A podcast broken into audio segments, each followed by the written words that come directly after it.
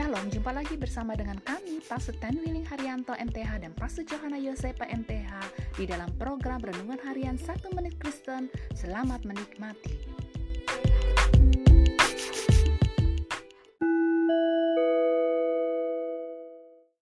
Shalom saudara yang berharga di mata Tuhan, senang dapat jumpa dengan saudara. Hari ini firman Allah mau memberitahu kita beban hidup dapat membuat kita semakin kuat dan mengembangkan kualitas iman dalam diri kita.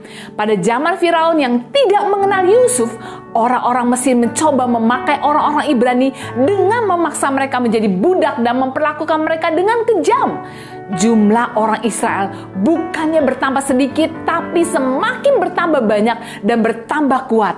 Ketika kita mempunyai beban hidup, kita boleh merasa hidup begitu berat, tetapi beban-beban tersebut dapat membuat kita semakin kuat dan mengembangkan kualitas di dalam diri kita yang akan mempersiapkan kita untuk masa depan kita.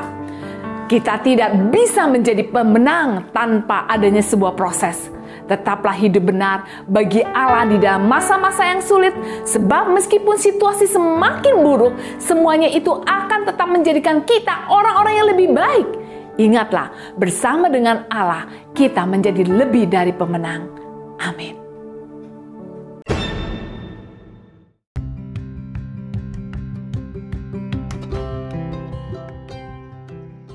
Kasih saudara telah mengikuti podcast Renungan Harian 1 Menit Kristen. Sampai jumpa pada episode berikutnya.